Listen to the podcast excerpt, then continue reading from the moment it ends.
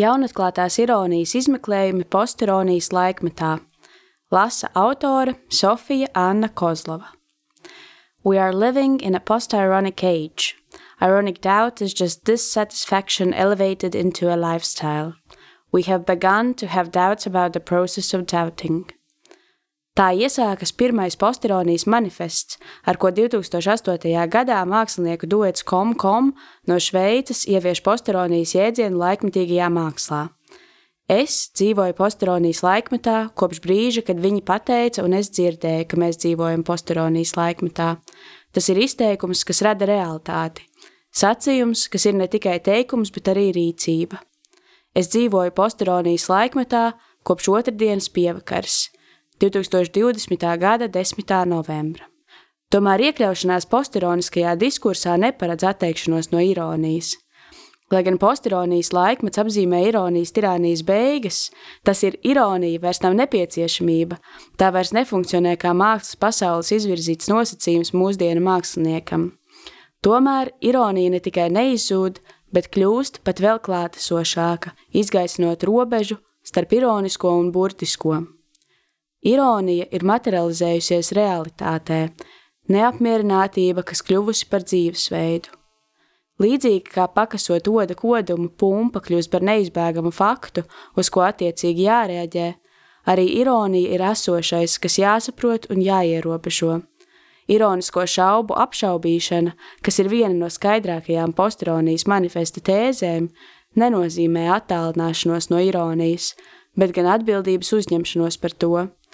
Tādā veidā ironija tiek padarīta nopietna. Ironija nav tikai retoriska figūra vai mākslinieckās izteiksmes līdzeklis vai joks. Tā atklājas ikdienas absurdā līdzīgi dabas likumam un cilvēka psiholoģijā gluži kā domāšanas struktūra. Tas tomēr nenozīmē, ka dzīvojam nepatiesu attiecību un iluzoras vidas burbulī, ka nekas vairs nav darāms, lai saglābtu patiesīgumu un patiesību pašu ne tikai mākslā, bet jebkādā komunikācijā. Reflektēta un atbildīga ironizēšana nav kaitīga jūsu veselībai. Bet, lai tas būtu iespējams, lai no ironijas netiešās skaidrības tirānijas nonāktu postironijas sintezētajā tiešajā neskaidrībā, ironijas jēdzienam jābūt definētam un saprastam. Ironija postironijas laikmetā tomēr nenosaka tikai reflektivitātes kritērijas vien. Tas ir, ja ironija ir apzināta, tas vēl nenozīmē, ka tā ir postironismu prasībām atbilstoša. Kom-kom izstādīto manifestu noslēdz tēze, ko nepieciešams izcelt. Desmitais manifesta punkts piesaka pašradīšanas un iztēlošanās brīvību, no jauna piesakot cilvēka, gan autora, gan skatītāja primaritāti mākslā. Emocijas un tuvība, iesaistīšanās un sasaistīšanās ne tikai ar mākslas darbu, bet arī ar mākslinieku kļūst par svarīgu estētiskās pieredzes daļu. Autors ir augšām cēlies. No mākslas darba vairs netiek pieprasīts, lai tas pastāvētu pats par sevi, šķirts no radītāja. Tieši otrādi. Skatītājs meklē tuvību caur mākslas darbu, cilvēcīgu kontaktu ar mākslinieku. Tas veicina pārdomas par intencionalitātes, proti autora ieceras iespaidu uz estētisku pieredzi un atdzīvina diskusiju par autora un uztvērēju nozīmi īpaši jautājumā par ironisku mākslas darbu saprašanu. Šis raksts, lai kalpo kā aicinājums pievērsties ironijas cilvēcīgumam, postironijas ironija ir divu brīvu prātu mīlestība, tā ir saprašanās, nevis nesaprašanās. Kaut arī nesolu piedāvāt posteronijas laikmeta prasībām atbilstošu ironijas definīciju, vēlos attīrīt lauku šādas definīcijas atnākšanai, pievēršoties mākslas teorētiķa Monroe Bērtslija piedāvātās ironijas definīcijas analīzei. Bērtslija definīcijas pamatā ir trīs tēzes. Pirmkārt, ironija ir teksts, ko iespējams gan saprast, gan pārprast. Otrakārt, Ironija ir internāla faktoru kopums, tas ir to rada iekšēja spriedze tekstā, ko veido stilistisku un saturisku teksta aspektu polēmika. Tātad tā pastāv iekš mākslas darba paša, neatkarīgi no iesaistītajām personām, tas ir uztvērēji un mākslinieki. Treškārt, ironija ir runas akts, kas visskaidrāk atklājas tā lokutīvā un ilokutīvā aspekta salīdzinājumā. Apvienojot visus šos nosacījumus, Bērslija ironijas definīcija var tikt pierakstīta šādi. Ironija ir runas akts, ko tekstu veidojošu faktoru dēļ iespējams gan saprast, gan pārprast. Kaut arī definīcija iesākumā šķiet nepretrunīga, tomēr tās internālie faktori, cik ironiski, rada iekšēju spriedzi, kas apliecina vai nu pašas definīcijas ironiskumu, vai arī iekšēju nekonsekvenci. Pirmais pieņēmums paredz, ka tekstu iespējams gan saprast, gan pārprast. Saprašanas pārprašanas iespējamību Bērslīs skaidro atsaucoties uz uztvērēju iztēli. Tas nozīmē, ka tekstu iespējams gan saprast, gan pārprast, ja ir iespējams iztēloties, ka vienlaicīgi pastāv divas uztvērēju grupas, no kuriem vieni tekstu saprot, bet otri to pārprot. Lai gan pats saprašanas pārprašanas nosacījums ir saprotams un intuitīvs, interpretējot to atcaucoties uz iztēles spējām, ironijas definīcija kļūst pārāk plaša. Cilvēka izdomas robežas ir tik individuālas un neskaidras, ka Bēclī piedāvātā definīcija izplūst dažādo iespēju jūklī, kas turklāt saistītas ar ārējiem faktoriem, kā piemēram uztvērēju zināšanu bāze, kulturālā un sociālā piederība un tā tālāk. Pieņemot šo definīciju, par ironiju var tikt uzskatīts jebkurš izteikums. Sapņus nevar nošaut, iztēlē nav robežu varētu pieņemt, ka ironijas samaitātie prāti, zaudējuši racionalitāti, vairs neseko filozofa vēlīgi izbārstītajām patiesības drupačām, tomēr tas ir aspekts, kas jāņem vērā, dodot vaļu indivīda iztēlē kā definīcijas pamatelementam.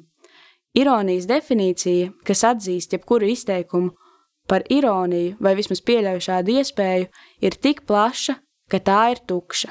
Definēšanas mērķis ir nošķirt ironiju no neironijas, nevis postulēt ironijas tirāniju un dot tai vaļu. Tomēr ir iespējams arī cits veids, kā ierobežojot iztēli, pārliecināties par saprašanas un pārprašanas vienlaicīgo iespējamību. Tas ir uzrādot šo iespējamību kā aktuāli esošu. Ja iespējams fiksēt divus lasījumus, no kuriem vienā teksts tiek saprasts burtiski, bet otrā ironiski, tad ir pierādīta arī vienlaicīgas saprašanas pārprašanas iespējamība, jo viss, kas ir aktuāli, tas ir arī iespējami. Lai noteiktu, ka teksts ir ironija, būtu nepieciešams analizēt nevis teksta stilistisko un saturisko aspektu attiecības, ne arī šos aspektus attiecībā ar eksternālu faktoru radītu iekšēju spriedzi, tātad nevis tekstu pašu, bet gan tā lasījumu. Ironijas apstiprināšana tad būtu intersubjektīvs process, tā būtu saruna un vienošanās par savstarpēju sapratni dažādības vienības rezultāts.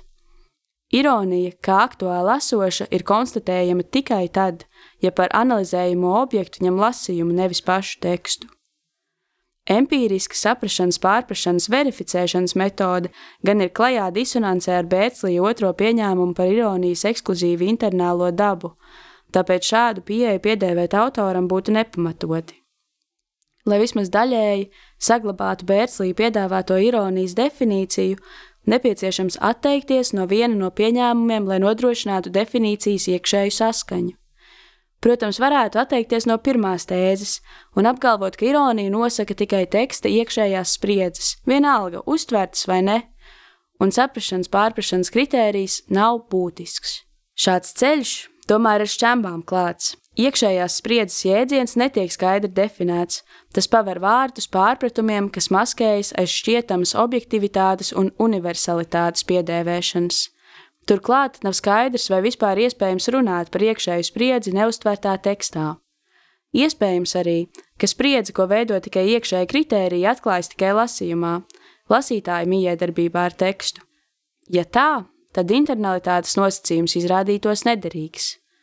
Tomēr, domājot par ironiju posteronijas kontekstā, man šķiet interesantāk atteikties no Bērslī ieviestā internalitātes nosacījuma un pievērsties tieši vienlaicīgas saprašanas pārprašanas aspektam, kas arī intuitīvi šķiet būtiskāks un saprotamāks, un tāpēc var tikt atzīts par prima fakie patiesu.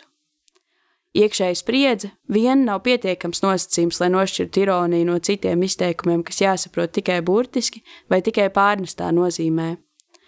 Ironijas smalkums atklājas tās individualitātē un nepastāvīgumā, ko skaidri uzrāda vienlaicīgas saprašanas un pārprašanas iespējamība. Ironija ir runa, nevis teksts. Tas ir komunikācijas rīks. Atbilstoši postironijas laikmeta izpratnē par ironiju un izteikšanos vispār, Teksts nav viens vēju aplausts bērziņš klajā laukā, bet gan pats lauks, kas dod vietu, lai plauktu sapratnes un pārpratnes, bet katrā ziņā sarunas, lai raisītos cilvēcisks kontakts. Postironiskā izpratne par ironiju piesaka to kā relacionālu komunikācijas rīku, kas nepiesakot sevi nekā objektīvu, ne vispārīgu patiesību, aicina uz savienošanos sarunā. Tāpēc, lai arī esmu attālinājusies no Bērslī ironijas definīcijas, es vēlos atkal pie tās atgriezties, gan modificētā formā, lai pievērstos trešajam definīcijā izceltajam aspektam, tas ir ironijai kā runas aktam. Bērslīs skaidro ironisku izteikumu kā tādu, ko veido divi vienoti runas akti - lokūcija un ilokūcija, kur vēstījums ir pretrunīgs. Lokutīvais akts ir veikts ironiski, ilokutīvais akts ir veikts izmantojot ironiju. Bērslija analīzes pamatā ir Džona Lankšova Ostina iedibinātās runas aktu teorijas definīcijas, kuras būtiski pieminēt, lai saprotam kļūtu Bērslija pieeja. Lokutīvs akts, pieņemot Ostinas sniegtās definīcijas, ir kaut kā pasacīšanas akta izdarīšana.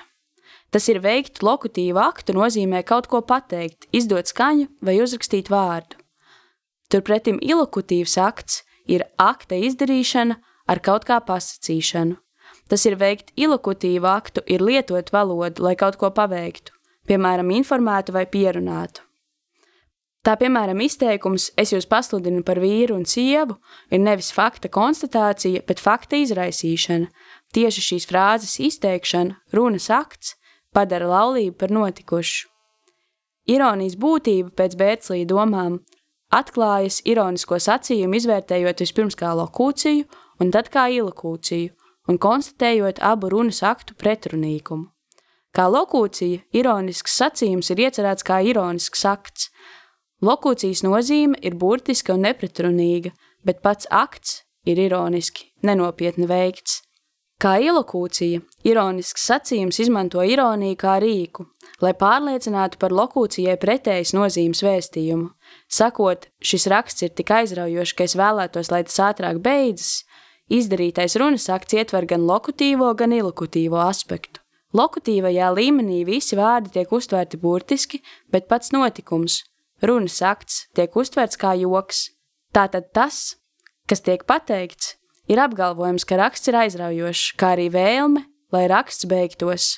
Tomēr tā kā tas ir izteikts ironiski, pats notikums ir jāuztver kā joks. Ilokūcijas nozīme savukārt ir pretēji atsevišķo vārdu nozīmei. Ironija tiek izmantota kā rīks, lai norādītu uz pretējo nozīmi. Lokutīvais sacījums ir burtiska, valodiska vienība, taču pats lokūcijas akts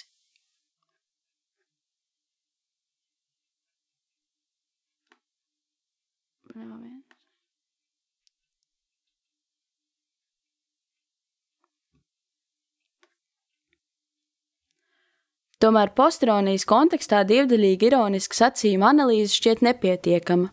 Var saprast, kāpēc Bērtslijam pietika ar lokutīvo un ilokutīvo aspektu, lai skaidrotu ironiju.